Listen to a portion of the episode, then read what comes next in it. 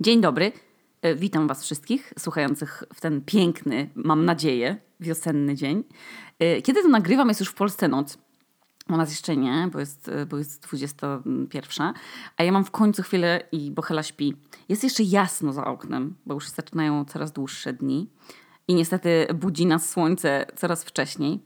Ale no nie ma co oszukiwać, że u nas jest taka wiosna jak w Polsce. No, u nas taka będzie dopiero, nie wiem, nie wiem, pewnie w maju albo w czerwcu. Ale serio, ja nie mam na co narzekać. Niebo jest niebieskie, widać przebiśniegi, krokus, krokusy, jak się idzie na spacer. No, ostatnio nawet byłam na spacerze z wózkiem. Mimo, że ja tego nie lubię, ale ta post, taka zimowa aura mi dała, no trochę mi dała energii i porwałam się nawet na takie rzeczy dla mnie po prostu niemożliwe. Na przykład na upieczenie chlebka bananowego. A ten, kto mnie zna, ten wie, że chlebek bananowy to jest coś, co mi nigdy nie wychodzi. Ja, ja się nawet, słuchajcie, ja się nawet ośmielę powiedzieć, że ja nawet lepiej jeżdżę samochodem niż piekę chlebki bananowe. Także przez tyle lat w ogóle ludzie mi mówili, weź, ten przepis jest najlepszy, ten po prostu musisz tego spróbować. To ten, zawsze mi wychodzi ten chlebek. I ja robiłam i znowu flag, albo jakiś tam zakalec, albo, albo suchy z góry, w ogóle nie. Teraz mi wyszedł pyszny i wyszedł mi dwa razy. I to był przełomowy moment w ogóle mojej piekarskiej kariery. Yy, I, i, I ja nigdy nie spodziewałam się, że ten dan- nastąp- dzień nastąpi. To nie jest tak, że ja zrobiłam coś inaczej w przepisie, albo że dostałam jakiś inny przepis. Zrobiłam z tego samego przepisu, który zawsze udało mi się spieprzyć. Ale właśnie o czym będzie dzisiejszy odcinek? Bo nie o chlebkach bananowych. Chociaż w sumie to, to też był przecież ważny, właśnie zmieniający moje życie moment. Jakiś czas temu miałam 28 urodziny. I to był dla mnie ośmielę się właśnie powiedzieć, że to był dzień przełomowy. Jakoś ja nie wiem, ja poczułam wtedy, że zaczęłam lubić swoje urodziny. A kiedyś nie lubiłam. W ogóle jako, że mam stół, to że moim marzeniem było mieć stół, więc mam znajomych, mam stół. I zaczęłam lubić mieć też znajomych. Zaprosiłam do tego stołu super fajnych ludzi. Aneta zrobiła totalnie najpyszniejsze słodkości świata. Ustawiam kwiaty, hiacynty, również wiosenne, pięknie pachnące, mm, jak maj po prostu. Kupiłam dużo bezalkoholowych bąbelków, bo bardzo modne teraz jest na Islandii pić bezalkoholowe em, szampany i wina i one są tu doskonałe, takie żebyście się w ogóle nie połapali, że one nie mają alkoholu. No i sobie celebrowaliśmy to, że, że jestem o, wiecie, rok starsza. I to jest, słuchajcie, dla mnie taki czas podsumowania. Ja nawet myślę, że im jestem starsza, tym w ogóle jestem fajniejsza. I jestem też bardziej skłonna powiedzieć o sobie, że jestem fajnym człowiekiem. I ciężko mi przechodzi przez gardło to, ale uczę się. Wiecie, staram się o sobie myśleć dobrze, że jestem lojalna, jestem opiekuńcza, jestem kreatywna, śmieszna jestem. Ja to bardzo cenię w ludziach, jak ktoś jest śmieszny. No i przede wszystkim jestem wrażliwa. I ja również w ludziach to cenię. I Jestem też sentymentalna. I dziś będzie właśnie taki sentymentalny odcinek, bo będzie o momentach, które zmieniły w moim życiu wszystko. I, I dzięki tym momentom, czasem e, wiadomo, czasem jakimś tam dużym, a czasem po prostu takim malutkim, którym nawet bym może nie podejrzewała, że one zmienią moje życie i że będą dla mnie ważne, to dzięki nim, tym momentom, jestem tym, kim jestem i, i gdzie jestem. Więc, yy, więc jest, myślę, że to będzie bardzo piękny taki, taki heart, heart touching, touching your heart odcinek? Jak to powiedzieć? No po prostu taki touching.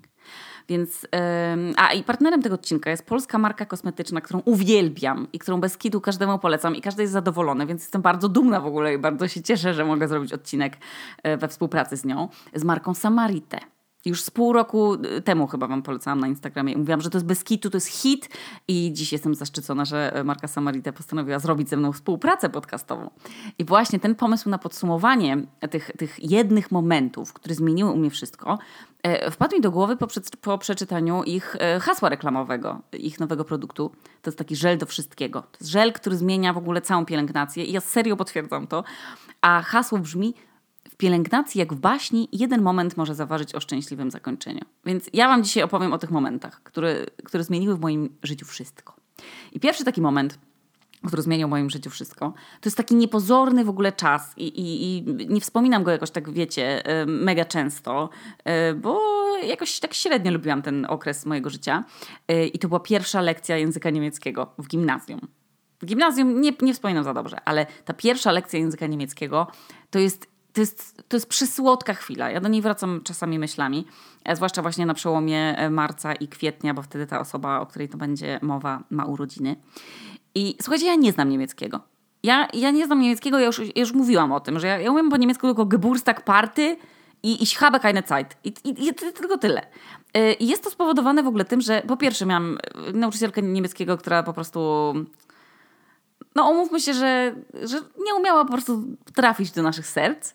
E, I w sumie niemiecki był od odrabiania innych lekcji, albo od po prostu uciekania z niego, no, chodzenia na wagary, albo od, nie wiem, spisywania od siebie jakichś tam zadań.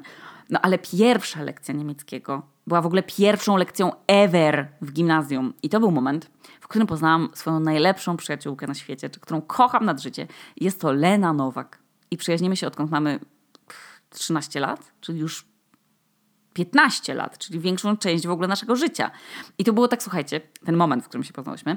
Ja, ja nawet pamiętam ławkę i wygląd i, i układ sali w ogóle, w której to było. Kurwa, ten stresujący moment, że wiecie, że wchodzicie do pracowni jakiejś, do klasy, której w ogóle pierwszy raz widzicie tych ludzi na, na oczy i w ogóle ten, ten, to pomieszczenie pierwszy raz widzicie na oczy i nikt się nie zna z nikim i są starsi ludzie i tacy już prawie co wiecie, egzamin gimnazjalny będą pisać i, i oni tak stoją i oceniają was i w ogóle wszyscy się tak lustrują wzrokiem i wiecie, i tak stoicie i trzeba zająć miejsca.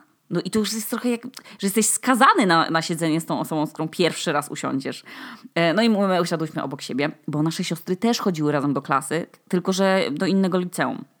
No mi siostra w domu powiedziała, że tam, a tam będzie taka blondynka z dredami, to sobie usiądź koło, bo, koło właśnie tej, tej Leny, bo to Moniki jest młodsza siostra. No więc ja usiadłam. I my, my byłyśmy po prostu od zawsze z Leną totalnie różne. Zupełnie różne, a się przyjaźniłyśmy od, od pierwszej sekundy. Lena nie paliła papierosów, ani nigdy nie wciągała tabak. Nie, poczekajcie. Lena wciągała tabakę. Ja nie wciągałam tabaki, ale Lena nigdy nie paliła papierosów, ani, ani w ogóle nie piła alkoholu do swojej osiemnastki. Chodziła do kościoła, jeździła na pielgrzymki w ogóle. Ja, ja w ogóle byłam zaprzeczeniem tego bycia grzeczną nastolatką, bo ja paliłam papierochy i, i piłam, piłam red sasany, jeszcze jak nie było to legalne. Ale wiecie, ten moment, w którym usiadłam z nią w jednej ławce, to był ten moment zawiązania się w sumie takiej najcenniejszej przyjaźni świata, bo to była przyjaźń taka absolutnie pierwsza, która mnie nauczyła innych przyjaźni. Taka szczera, czysta, wiecie, taka bezinteresowna. No. Lena była opór mądra, zresztą do, do teraz jest. I mi pomagała z matematyką, z chemią, z fizyką, a jednocześnie ona, kurwa, chodziła do szkoły muzycznej, bo jest klarnecistką, jest muzyczką. I ona, wiecie, ona była tą osobą, co nie musiała się za dużo uczyć, bo ona po prostu łatwiej się uczyła. I jak ja musiałam sobie coś wkuwać, na przykład dwa tygodnie, yy, jakiejś tablicy Mendelejewa, którą wszyscy łapali w mig, to po prostu mi to zajmowało mega dużo czasu. A ona się pi, po prostu, i ona tylko czytała godzinę coś tam sobie powtarzała i, i voilà, no i ona już umiała. No i dzwoniłyśmy do siebie codziennie wieczorem, żeby, wiecie, obgadać dzień, tak jakbyśmy, nie wiem, nasze dni byłyby jakieś super skomplikowane, nie? Poza szkołą, jakbyśmy miały setki obowiązków. Ale, ale lubiłyśmy sobie tak, e, tak zadzwonić do siebie wieczorem i, i poplotkować. No i robiłyśmy sobie zdjęcia do mojego fotobloga i kochałyśmy strych Leny. Strych Leny to jest w ogóle mityczne miejsce i, i mistyczne też. To, jest, to było dla nas miejsce kultu kultu vintage. To tam były, tam były i są nadal, słuchajcie, najlepsze, opór, najlepsze ciuchy z lat 70., 80., przepiękne sukienki, takie wiecie, swetry z bufkami, jakieś takie na drutach robione, no przepiękne. Buty takie jakby, takie skórzane, botki nauczycielskie troszeczkę. No mama Leny w ogóle ma siostrę, co mieszkała w Danii, mieszka do dziś. I te ubrania tam, to był taki czad. Więc Jezu, przebierałyśmy się w te ciuchy, wyglądałyśmy super modnie na zdjęciach i mam teraz naprawdę świetne pamiątki z tego okresu i postaram się znaleźć i może wrzucić na Instagram. I Lena była przy moich pierwszych, wiecie, zakochaniach, przy pierwszych upokorzeniach, przy smutku, że mi zdechło zwierzątko, bo mi zdechł szczurek, przy radości wyjazdu na festiwale, bo jeździłyśmy sobie razem i rodzice nas się nie stresowali puścić, bo wiedzieli, że jedna drugiej będzie pilnować. No i w ogóle z Leną się nauczyłam, co to, co to znaczy mieć przyjaciółkę. I myślę, że to była taka właśnie, my od początku w sumie dmuchałyśmy w swoje skrzydła. E, I to była taka siostrzeńska miłość. E, I, I myślę, że to jest taka, że to jest takie piękne, piękne uczucie, które do siebie miałyśmy. I myślę, że to była taka też baza do uczenia się właśnie ludzi w ogóle, do takiej otwartości na siebie, e, mimo tylu różnic. Bo my byliśmy totalnie z różnych rodzin, z różnych miast, bo Lena była z Podolsztyna, z, z Rusi nad Łyną. Przepięknego miasta, przepięknego. Lena chciała być muzyczką, ja chciałam być naukowczynią. Ja byłam taka, wiecie, bardziej zbuntowana, ona mniej, a mimo wszystko ona mnie kryła w niektórych rzeczach i nigdy, przenigdy mnie nie zawiodła. No, no każdemu życzę każdej takiej przyjaciółki. No. I, I ten moment, w którym, wiecie, usiadłyśmy ze sobą w ławce, ten jeden dzień w tym, w tym gimnazjum, to już później zawsze siedziałyśmy ze sobą i byłyśmy nierozłączne. I do dziś się przyjaźnimy. Ilena mieszka w Szwecji, ja na Islandii. A i tak jesteśmy bardzo blisko. I ten moment poznania Leny w sumie zapoczątkował taką we mnie wiarę w to, że, że ja mogę być lubiana. Że, skoro, że, że serio, że skoro fajna osoba, która mnie lubi, a ja lubię ją, to znaczy, że jestem okej. Okay. I że ludzie mogą być fajni i że można im ufać. A takie przekonanie jest naprawdę cenne i myślę, że no myślę, że mi to dało naprawdę dużo na przyszłość, nawet na teraz. Bo poznawanie ludzi teraz ma dla mnie trochę zupełnie inny wymiar niż kiedyś miało. Po pierwsze, no jestem, wiecie, jestem starsza i, i też no, inaczej się zaprzyjaźnia, czy tam zapoznaje ludzi, jak się jest młodszym. Jakoś tak łatwiej. Bo wtedy w sumie się, nie zrozumcie mnie źle, ale to trochę tak, że się nie ma wtedy swojego życia. W sensie ma, ma się takie, wiecie, wspólne jedno życie, takie życie szkolne, to, to jest wspólne. I, i jest to jakieś 8 godzin dziennie się z, z, tym drugim dzieciakiem, więc kawał czasu. I wtedy jak się coś dzieli wspólnie, no i po szkole ma się rzeczy, o których sobie można poopowiadać, ale na przykład jak już się jest dorosłym, i, i, każdy ma coś, czyli tam pracę, dzieci, jakieś zainteresowania. To są takie rzeczy, które nas od siebie trochę odgradzają, bo to są takie nasze rzeczy.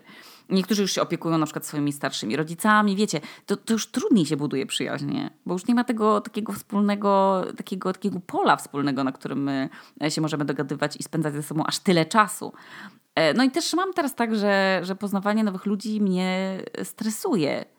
A zwłaszcza ludzi, którzy mnie słuchają i znają z podcastu, bo to jest to no to jest trochę, trochę tak, że jak mnie słuchacie na przykład 80 godzin, czy 400 godzin, czy milion godzin niektórzy, to macie już o mnie wyrobione jakieś zdanie i że to Okuniewska jest taka i taka, nie? I poznając mnie, macie już jakieś pewne wyobrażenie, jakieś pewne oczekiwania też i one są takie niepisane, nie? Że ja jestem po prostu taka, jaką, jaką mnie odbieracie z podcastu. A to pewnie nie jestem ja, nie? Bo w sensie nie da się kogoś dobrze poznać to jest piękne złudzenie oczywiście, ale nie da się kogoś dobrze poznać, tylko słuchając jego głosu. I w sensie wiecie, o co mi chodzi, no. To, to jak, jak poznaję grupę ludzi, z których część mi mówi, że mnie słuchają, to ja się czuję tak tak niekomfortowo, że, że już muszę mieć super humor, muszę być taka jak w podcastach, wiecie, bo, bo inaczej kogoś, takie mam poczucie, jakbym kogoś miała zawieść, albo że ktoś pomyśli, że oho, ta Okuniewska to taka gburowata, jakaś taka nie, nie odzywała się w ogóle, taka obrażalska jakaś. A ja na przykład po prostu nie będę taka jak w czyichś wyobrażeniach mm, wygadana, bo na przykład będę zmęczona. I to jest takie no, bywa to takie przytłaczające, ale na szczęście nie wszyscy mnie słuchają i mnie nie znają, bo nie jestem królową angielską ani Lady Gagą, więc, e, więc byłam w stanie jakiś czas temu poznać ludzi, e, wśród których się czuję do maksa komfortowo i w ogóle nie czuję żadnych oczekiwań, w ogóle nie czuję żadnego napięcia takiego bycia w ogóle kimś innym przy nich. I bardzo jestem wdzięczna w ogóle za te znajomości i bardzo są cenne dla mnie. I jestem pewna, że umiejętności budowania relacji nauczyła mnie właśnie ta pierwsza przyjaźń e, z Leną. Drugi taki moment, który też totalnie zmienił moje życie, a który myślałam, że nie będzie aż tak znaczący, to było rzucenie studiów. Bez kitu. Ja, ja czasem na Q&A dostaję takie pytanie, czy żałujesz rzucenia studiów? I ja teraz on oficjalnie na nie odpowiem, że już nie. Ale zaczynając od początku, bo to było w ogóle tak, że ja bardzo marzyłam, żeby te studia skończyć. Ja opór o tym marzyłam. Ja, pięknie mi było w ogóle w fartuchu laboratoryjnym, pięknie mi było w maseczce chirurgicznej, na praktykach studenckich. Ja pięknie wyglądam z mikroskopem w ogóle. Serio, no, na praktykach studenckich podczas robienia wymazów z, z siurków starszych panów zwracano się do mnie per pani doktor. To, to też było też, wiecie, to tak rusza ego, nie? Moje ego się kurwa po prostu trzęsło, jak, jak ziemia ostatnio na Islandii. Bez przerwy się trzęsło, bo ja chciałam być taka mądra, nie? Ale ja nie byłam. I byłam na tych, na tych studiach chyba najgorszą studentką. W ogóle, w ogóle byli tacy ludzie, co nie chodzili na zajęcia i oni sobie lepiej radzili niż ja.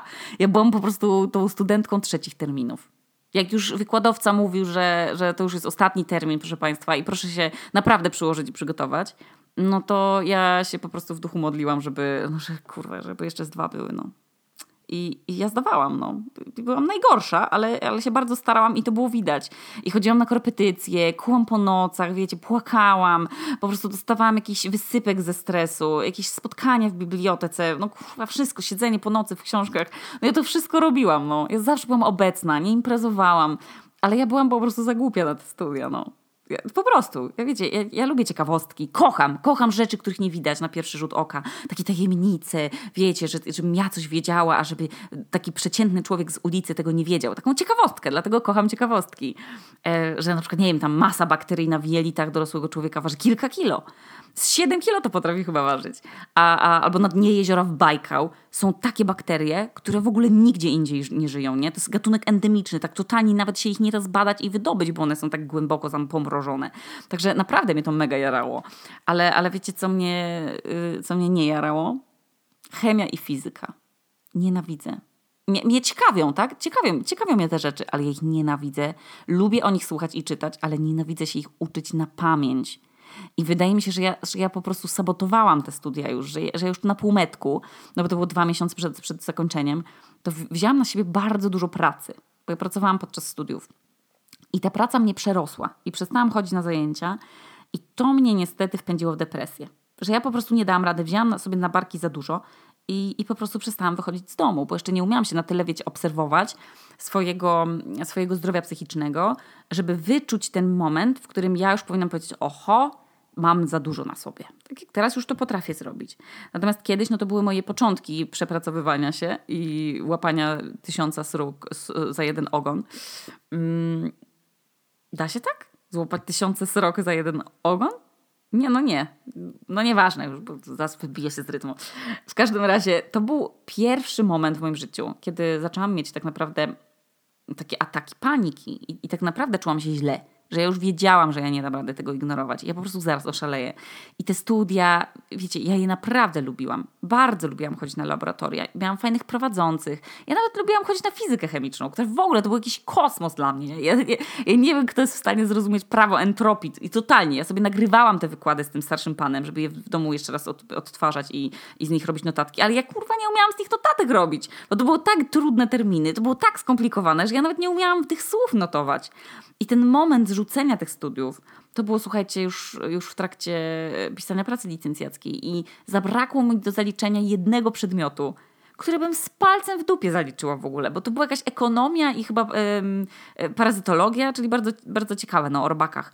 Ale podjęłam decyzję, że to jest nie dla mnie że ja po prostu umrę, jeżeli ja pójdę na jeszcze jedne zajęcia. Jak już wiecie, że, że wiecie, że to nic was nie kosztuje, nie? żeby zejść na, na dół ze śmieciami, ale wiecie, że już jesteście na przykład tak zmęczeni tego dnia, że po prostu was to dobije. Że już się po prostu popłaczecie, oprzecie się o, o worek ze śmieciami i no, nie podniesiecie nogi. No.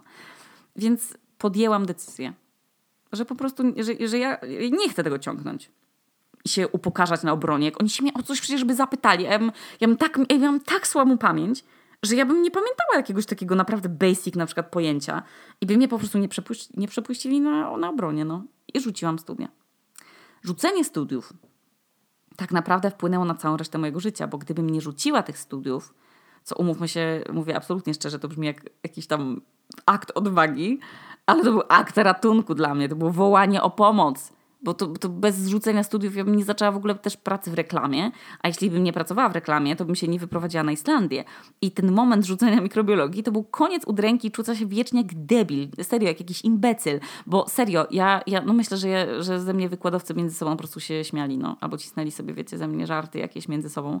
E, a to było w ogóle odwrócenie karty zupełnie, bo nagle odkryłam coś, w czym jestem dobra bo to też zawdzięczam mojemu e, znajomemu Dominikowi, który, który mi powiedział: Jesteś super kreatywna, ty powinnaś wymyślać reklamy. I ja pomyślałam, to jest w ogóle taki zawód, że wymyślanie reklam?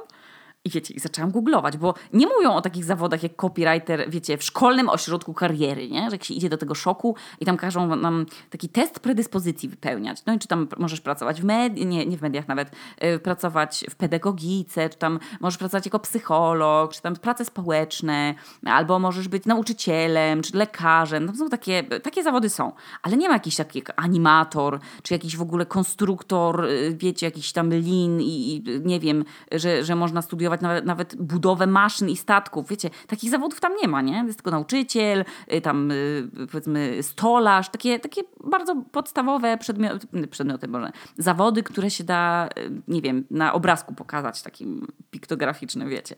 A takich zawodów jak copywriter co to w ogóle? Jest taki zawód? I skooglowałam, że faktycznie jest coś takiego jak copywriter, czyli osoba, która wymyśla pomysły, jakieś kampanie, pomysły różnych tam scenariuszy reklam. I mi się to bardzo spodobało, bo to faktycznie to brzmiało jakoś tak super, nie? Takie, wiecie, znowu, znowu takie coś wiem, coś, czego inni nie wiedzą. Nawet nie, że wiecie, chodzi tylko o to, że jakaś, nie wiem, marka piwa ma problem ze sprzedażą jakiegoś tam smaku i, i trzeba wymyślić coś, żeby ten smak ludzie lubili, nie? Albo pff, marka odzieżowa wprowadza nową serię ubrań i, i co zrobić, żeby one były modne. Także ta decyzja o wzięciu udziału w rekrutacjach agencji reklamowych to był jakiś taki impuls też, że to nie było, wiecie, to znowu nie było odważne. To było wołanie ratunku, że ja, ja nie mogę być naukowcem, muszę sobie coś znaleźć. I, I to zmieniło moje życie znowu. Bo gdyby nie ten Dominik w tej, w tej jednej rozmowie i by nie powiedział, że ty się nadajesz i ty powinnaś się tam postarać załapać, to ja bym po pierwsze nie wiedziała, że taki zawód istnieje, a po drugie ja bym nie uwierzyła w siebie, a nawet bym się nie dowiedziała, że, że, że ja się do tego nadaję. Ja do tamtego momentu myślałam, że, że jak płyn do mycia naczyń, chcę zrobić sobie reklamę o nowym zapachu do, płynu do mycia naczyń, to, to wymyślają ci ludzie z firmy od płyn, mycia naczyń, od tego płynu, a nie specjalne agencje reklamowe, nie?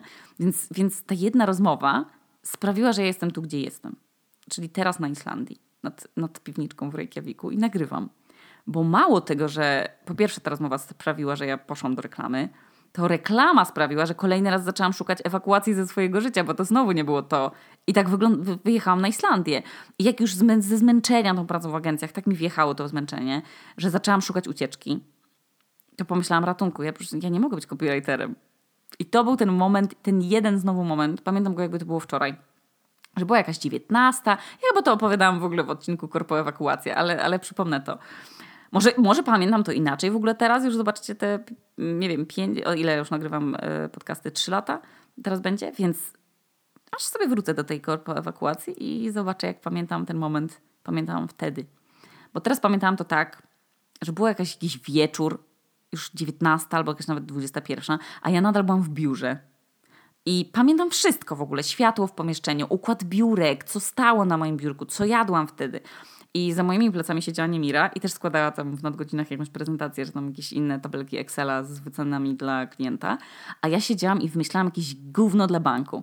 I ja już byłam tak zmęczona, tak po prostu obrzydzona tym, co ja robię i że ja muszę siedzieć o, o 19, wciskać ludziom y, kit o, o tym, co tam miałam napisać i że tam było, żeby doceniać chwilę tam bądź...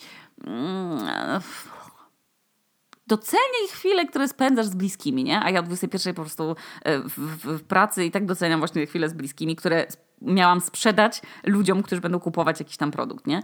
I, I nie, w ogóle wymyślanie tych nieśmiesznych billboardów tak mnie męczyło. W dodatku bez pomysłu to było, który, który sama nie wierzyłam i nie lubiłam go. I wiecie, takie kapie woda, takie kap, kap, to Helena bardzo lubi ten dźwięk, to mi tak kap, kap, po prostu kropla wpadła do tego mojego garnuszka y, rozczarowania moim życiem i wpisałam wtedy w Google kierunki emigracji. Bo wiecie, ja poczułam, że ja się do, do niczego nie nadaję. Skoro ani nie mogę być naukowcem, ani nie mogę być kreatywnym, to ja po prostu muszę, muszę do czegoś nowego uciec. No. I znowu to powiem, to znowu nie była odwaga ten wyjazd na Islandię. To była ucieczka. Bo ja wiedziałam, że, że ja po prostu nie mogę tam zostać, tak? To zostanę bez środków do życia. Ja muszę sobie znaleźć jakiś nowy zawód. W ogóle skądś muszę brać pieniądze na czynsz. Więc jeżeli ja zostanę w reklamie, to po prostu wpadnę w taki dół, że już mnie nic z niego nie wyciągnie. I ten jeden moment odmienił moje życie. Ten, ten wieczór w pracy i wpisałam te kierunki emigracji. I to były jakieś fora dla elektryków chyba i hydraulików, a tam były tam więcej, więcej informacji. Że można z angielskim, że wszyscy znają angielski, że teraz tak turystyka rośnie, że za tak dużo pracy w hotelach, w restauracjach. Więc wiecie, zamiast robić to dla banku, to zaczęłam nimi czytać na głos. A ona tak słuchała jednym uchem i tak mm, mm, coś tam sobie klikała dalej swojego. A ja jej tam czytałam, że to tolerancyjny kraj, że mało ludzi, że owce, że wulkany i te lodowce i że zorza polarna i że tak mało ludzi mieszka. I ja wiecie, ja, ja, ja marzyłam, żeby doświadczyć tego zjawiska, tej zorzy polarnej i tych mało ludzi po Warszawie i smogu warszawskim zimowym. Więc ja nie mogłam spać tamtej nocy, tyle myślałam. Że Jezu, ja chcę mieć kiedyś dziecko. Ja przecież nie będę mogła sobie finansowo pozwolić w ogóle na to, żeby mieć dziecko w tej Warszawie i z tą moją pensją i, i z tym moim trybem pracy przede wszystkim. Że nie tylko siedzę od, w tej pracy od 9 do 19, a później jadę do domu i kurwa jem kolację i rano znowu jadę do pracy, że ja nie mogę mieszkać w takim kraju, w którym, w którym się wiecie, wiecznie protesty zaczynają. Że przecież ja jestem za młoda, ja mam 20, ile tam miałam, dwa lata? Nie, 20. 22 lata miałam, zaczynałam pracę w reklamie, 25 lat miałam. Ja sobie, ja sobie mogę jeszcze życie poukładać gdzieś poza Polską, języka się nauczyć. I, I te niepokoje takie, które się w Polsce wtedy zaczynały, jakoś nie wpływały za dobrze na moją, psychikę, zwłaszcza, że byłam też przepracowana yy, i przebodźcowana i, i wiecznie miałam chore zatoki od tego smogu zimą i, yy, i po prostu tak mnie dół łapał, jak wracałam do mieszkania, gdzie po prostu dwa piętra nade mną ćwiczył codziennie mały klarnecista, który nie miał talentu i cały czas powtarzał jeden dźwięk. Yy, było naprawdę dużo sytuacji, które się złożyły na to wszystko i pamiętam, że moja mama, miałam ostatnio z moją mamą takiego live'a, na takiej platformie nauczycieli. Moja mama mnie poprosiła, żebym wzięła udział z okazji na kobiet. I tam właśnie ktoś zadał na tym live pytanie, jak się pani, pani Jolu poczuła, jak pani córka powiedziała, że chce wyjechać na Islandię. I moja mama, słuchajcie, powiedziała, że, że pamięta taki, taki dialog, że ja powiedziałam, że miałam te 25 lat i mówię, mamo, ja, ja tyle pracuję, że ja nie mam czasu, żeby żyć. I moja mama wtedy tak się na mnie popatrzyła i wtedy, po, ja tego nie wiedziałam, ale ją to tak to ją zabolało, jakby po prostu jej ktoś z liścia dał, wiecie, że to po prostu tak było dla niej ciężkie słuchać, że ja jestem nieszczęśliwa i że jest mi tak ciężko i że tak wpadłam po prostu za, za bardzo w, w, w tę pracę, e, taką dość intensywną powiedziałabym branżę, że moja mama, jak usłyszała mój pomysł o emigracji, to jej taki kamień z serca wręcz spadł, że mnie zachęcała do tego, dopingowała mnie bardzo. Mm, I właśnie mówiła, że to jest super czas, że jesteś młoda, jeszcze sobie tam życie poukładasz, że jedź totalnie, my ci pomożemy, y, jedźcie tam z tym Amadeuszem. Także postanowiłam przekonać Amadeusza, że warto. Bo Amadeusz nie chciał. I on lubił swoją pracę, on lubił Warszawę i go, też go denerwował smog i, i ta susza w lato, ale nie tak jak mnie.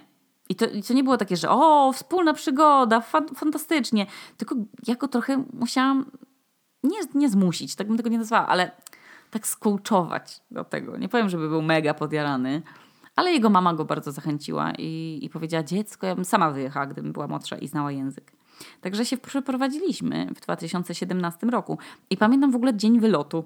To było równe pół roku od momentu, w którym mi ten pomysł zawitał do głowy. Wszystkie w ogóle rzeczy rozdaliśmy albo sprzedaliśmy. Praktycznie no niektóre tylko poszły do rodziców na strych i tam do piwniczek. E, natomiast pozbyłam się letnich ubrań, bo ja w ogóle myślałam, że tu jest wiecznie zima, a później sobie musiałam w Czerwonym Krzyżu i gdzieś tam szmatek zakupować, bo minął miesiąc i przyszedł taki dzień, że było 21 stopni i zero wiatru i się strzaskaliśmy po prostu na czerwono, bo nawet filtrów przeciwsłonecznych nie użyliśmy, e, bo, bo było tak po prostu ciepło i, i ja nie wiedziałam, że to słońce tak parzy tutaj. No ja nie byłam na to przygotowana, ale byłam przeszczęśliwa. Emigracja mi się nigdy nie marzyła, ale po prostu marzyło mi się życie w takim kraju. Że gdyby Polska miała mentalność yy, Islandii, nawet nie Islandczyków, tylko po prostu Islandii, gdyby dawała mi takie poczucie bezpieczeństwa i także finansowe i taki szacunek ludzi do siebie, to może bym teraz nagrywała z Olsztyna? Słuchajcie, no nie wiem, kto, kto wie, ale nie nagrywam i nie wrócimy do Polski. No. Helena ma, ma super szczęście, że się tu urodziła przecież. No. Trzy języki na start, mieszkanie w kraju z własną energią naturalną z ziemi i z wulkanem za ogródkiem, wiecie, z, z perspektywą uprawy w szklarniach, czego tylko by chciała i, i z czystym powietrzem i z dostępem, z dostępem do, do wody z lodowca czystej. No, jeżeli się zakocha kiedyś w kimś, to, to będzie mogła ślub wziąć legalny, niezależnie od tego, kto to będzie. E, I chciałam właśnie takiej przyszłości dla mojego dziecka i jestem bardzo szczęśliwa, że Hela będzie to miała. I, I też to, to ten jeden moment w tym przeklętym biurze w sumie zasponsorował jej życie w takim kraju. No ale kochani, ja bym sama przecież Helenki sobie nie stworzyła. To znowu też jeden moment. Cholera, mi ten boży palec chyba przyłożył kciuk do ekranu smartfona, żeby Amadeuszowi dać w prawo na Tinderze. Jest, po prostu tak, to musiał być palec boży, bo ja zawsze łysym dawałam w lewo.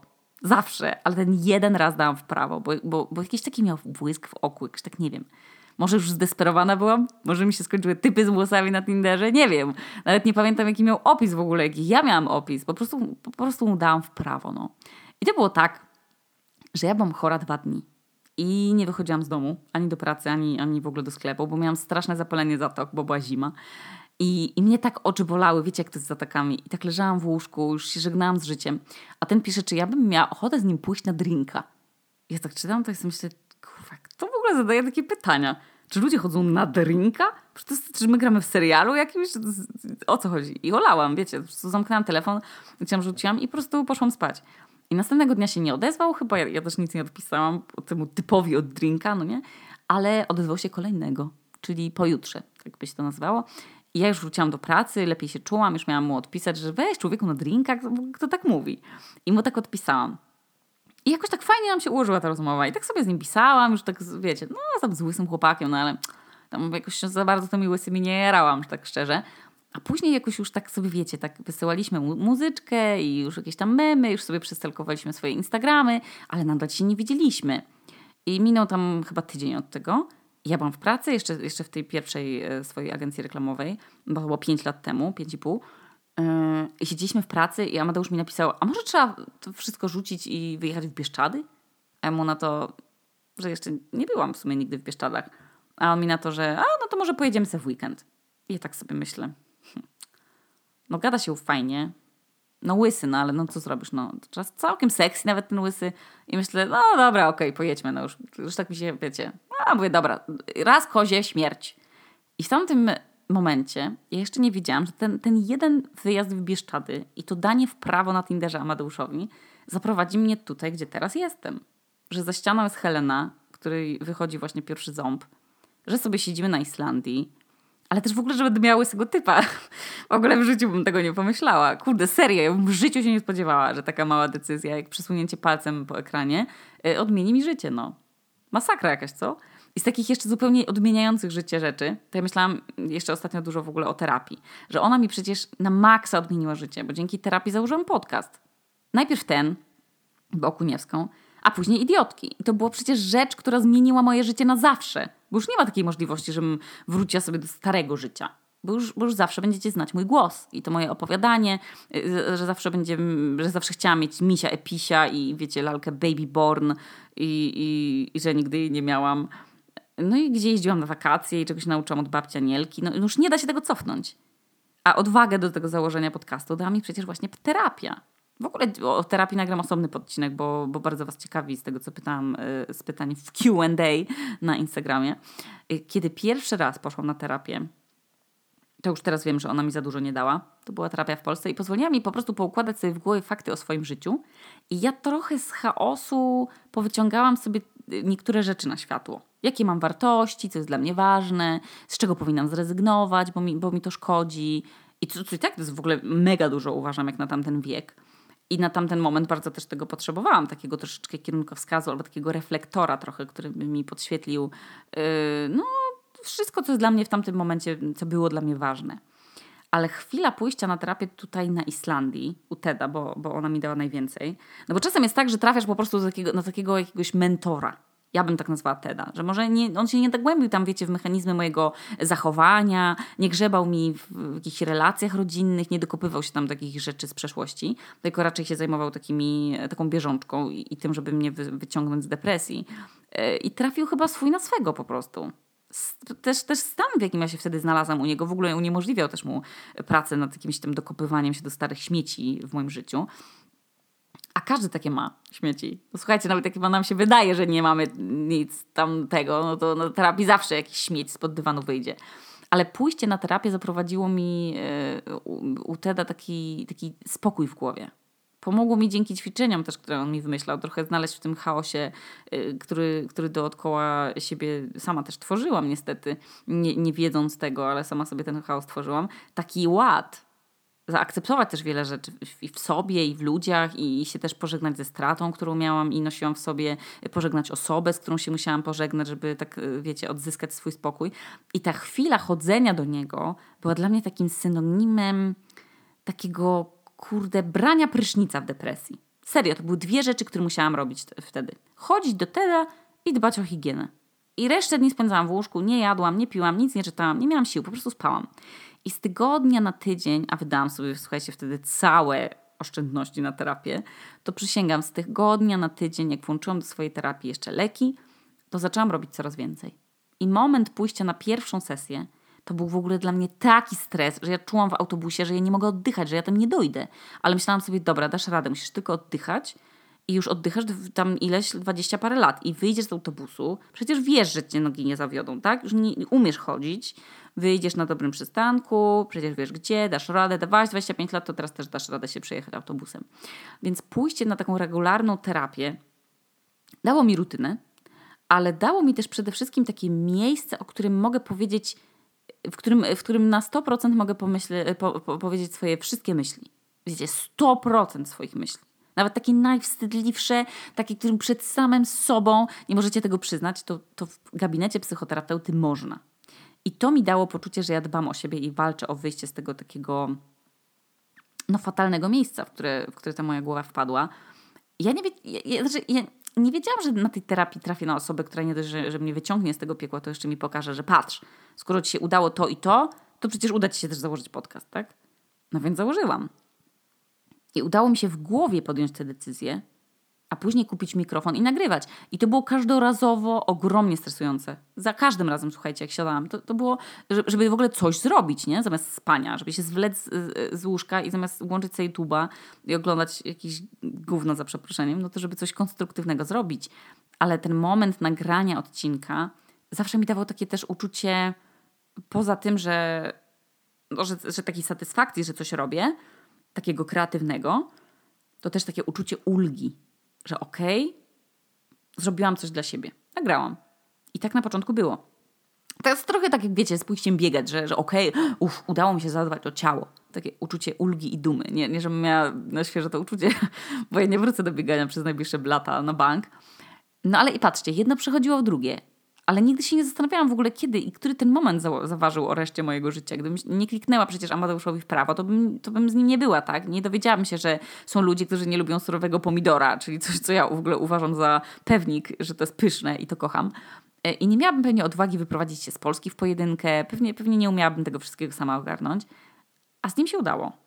I później ta terapia, później prosto z niej podcast. Niektóre rzeczy chyba w ogóle są ze sobą jakoś magicznie, nie wiem, połączone.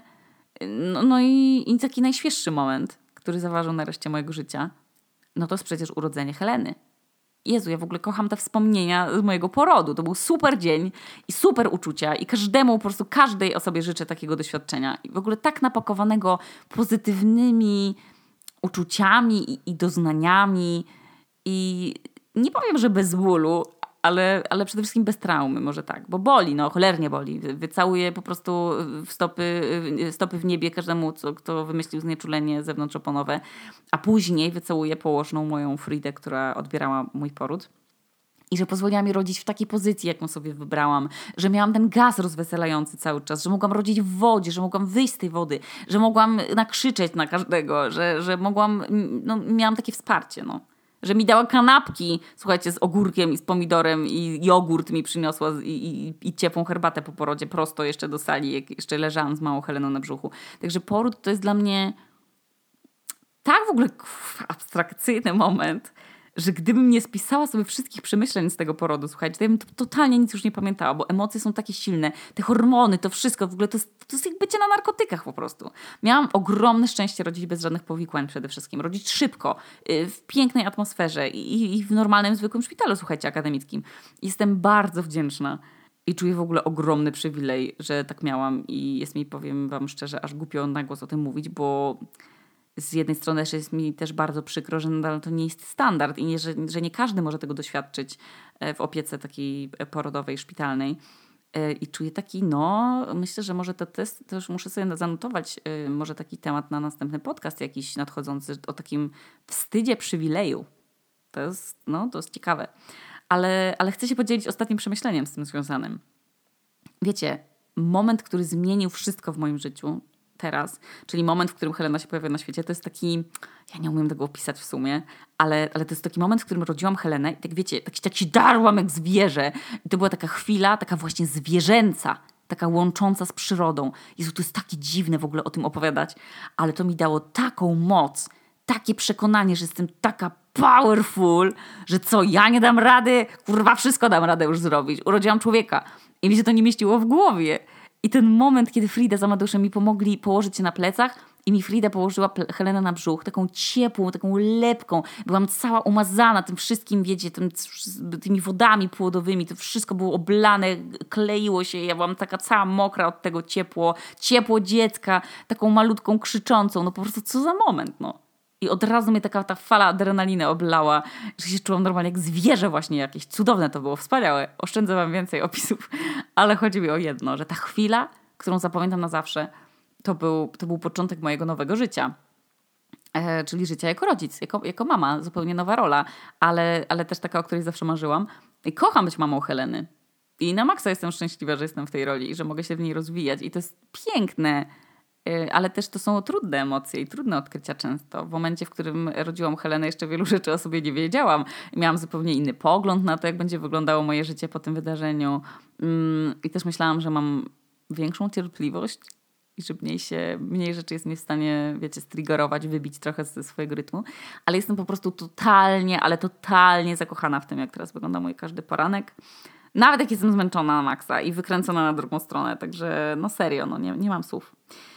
I mam też tak trochę e, po tym porodzie, że dałam radę i sobie udowodniłam, że bez kitu jestem, jestem, że jestem w stanie. Że moje ciało jest w stanie dokonać niemożliwego. Że jeżeli ja bym chciała, to bym, ja bym przebiegła maraton. Jeżeli bym chciała, to jest słowo klucz. A to bym nawet poszła za tym wulkan. Na maksa, że moje ciało mnie nie, nie zawiodło. A wręcz mi zaimponowało, słuchajcie. I ja bym się teraz miała przejmować jakimiś pierdami w internecie. Słuchajcie, pff, ja jestem nadal w szoku, że to, to doświadczenie mnie tak wzmocniło. I naprawdę zadało mi wtedy takiego wiatru w skrzydła, takiego szacunku też do siebie no, i do swojego ciała, e, które nadal nie wygląda jak przed porodem i sądzę, że nigdy nie będzie wyglądało jak przed porodem, ale, ale czuję się w tym ciele taka właśnie taka powerful i taka sexy. Taka, no myślę, że to była wspaniała chwila też dla mnie jako dla, dla dorastającej kobiety ale, ale mnie to rozczula to wspomnienie serio i mam taki szacunek do tamtego dnia, że aż ach, mam ciarki aż. To podsumowywanie wszystkich tych najważniejszych momentów, które być może wtedy w ogóle nie wydawały się takie znaczące, a, a mają, mają taki wpływ na moje życie, a dopiero teraz wiem, jaki miały, to ej, może jakbyśmy tak każdy dzień traktowali i każdy moment, to może by to coś, coś zmieniło na świecie? Takie ćwiczenie kreatywne sobie może zróbmy. Jaki moment w ogóle był dla Was na przykład w życiu bardzo znaczący i odmienił Wasze życie? Taki moment, moment, który zmienił wszystko. To jest w ogóle jakiś tytuł na film. Więc y, ja sobie zrobiłam tę sentymentalną podróż i takie ćwiczenie kreatywne i Was też serdecznie do tego zachęcam. I bardzo, bardzo dziękuję Marce Samarite. Po pierwsze za propozycję współpracy, ale też za wolną rękę w nagraniu tego odcinka. To jest przepiękne, że macie do mnie zaufanie i że mogę mówić co chcę yy, i móc zapłacić czynsz. to jest super. I mam dla Was od nich kod rabatowy. Yy, od, od dzisiaj yy, do 21 kwietnia E, z kodem Okuniewska dostaniecie aż 15% zniżki. I y, tam poza chyba serum, że musicie sobie sprawdzić w opisie odcinka, bez czego to się liczy. I sprawdźcie sobie koniecznie ich stronę, bo jak, jak ja nie mam współpracy na Instagramie y, i podcast jest jedynym takim moim zarobkiem, to sama z siebie wrzuciłam kilka razy polecajkę ich produktów. To są po prostu sztosy, no. I komu nie polecam ten zachwycony? Niebieski krem, ludzie po prostu... Nie, ja bym kupowała na waszym miejscu, ja sobie kupię jeszcze jeden na zapas. A, a ten odcinek powstał z okazji włączenia do ich oferty nowego produktu i tym produktem jest taki żel do mycia twarzy, który jest w ogóle, ma, ma opór dużo funkcji, możecie nim wszystko, nawet jedwabie nim prać i, i gąbki do makijażu i niemowlęta i siebie i męską brodę i damską brodę, cokolwiek tylko chcecie. Nawet psa możecie tym umyć. E, to jest właśnie ten Supreme e, Cleanser i ja go używam też. I, i, i to, to, jest, to jest świetne, no. Jednym produktem wszystko myjecie. Bez kitu. To jest super żel. Ja mam i polecam. Także to tyle ode mnie na dziś. Kurde. Czy dziecko... Ona już pół godziny nie śpi. No, także tak widzicie, wyglądają moje realia nagrywania teraz. Dziecko od pół godziny nie śpi, trzeba było przerwać, ale teraz wracam do Was. Przypomnę Wam tylko, że macie 15% na to Samaritę z kodem Okuniewska. E, no i tyle ode mnie dzisiaj, dziś dla Was. No ale się nagadałam. Zobaczcie, aż Helena zdążyła się obudzić z, z drzewki nocnej. Pozdrawiam Was serdecznie. E, trzymajcie się ciepło. Życzę Wam dużo snu i wypoczynku. Tu Okuniewska z nadpiwniczki w Reykjaviku, a to był odcinek o jednym momencie.